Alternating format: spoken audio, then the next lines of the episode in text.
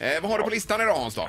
Jo, jag tänkte eh, en liten Göteborgsanknytning, eller liten och liten. Eh, Anton Hussein ska vara med i Let's Dance. Eh, jaha.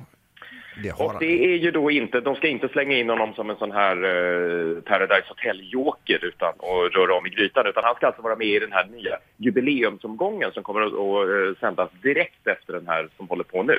Ja, vadå, är det då folk som har varit med innan som ska vara med ytterligare en gång då? Ja, eh, ni kanske inte vet det, men de ska alltså, direkt efter det här så ska de alltså göra någon sorts greatest hits-omgång. Och den enda som har varit klar hittills som de har avslöjat är Laila Bagge.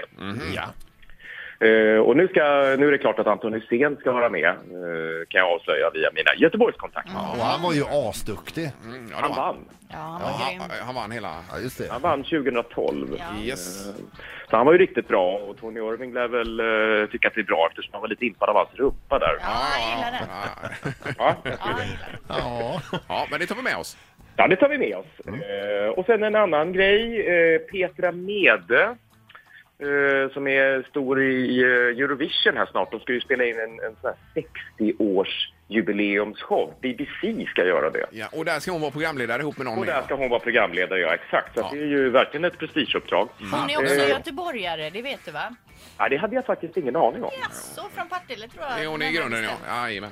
Jaha, hon känns inte så göteborgig, men det Nej. kanske hon är. Nej. Nej, ni har förstört henne fullständigt.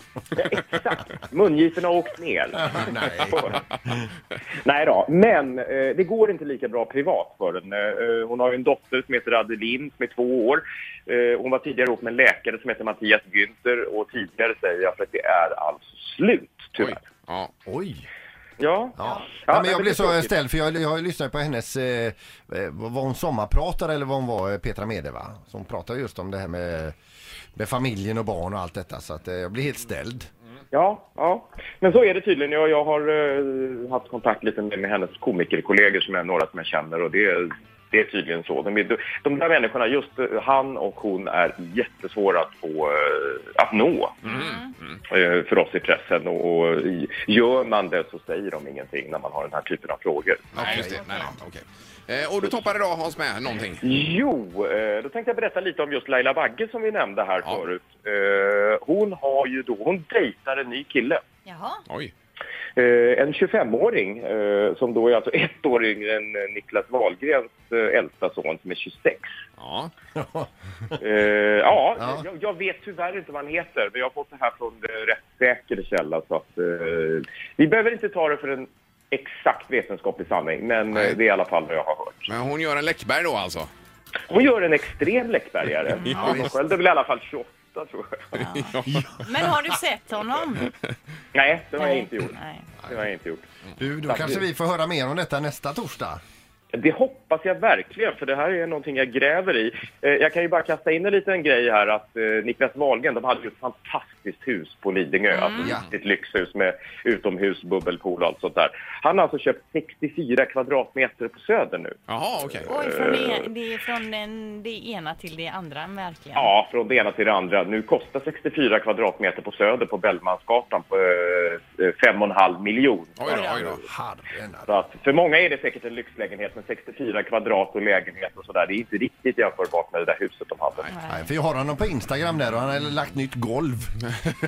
Nytt golv. Eh, han skulle väl riva ut allt utom öppna spisen, tror jag. Ja, Okej. Ja, Jag är så förvånad bara för Bagge hade väl sagt det att eh, det var som var tillsammans med ett barn om Niklas då så nu har hon en ä- ännu yngre på gång.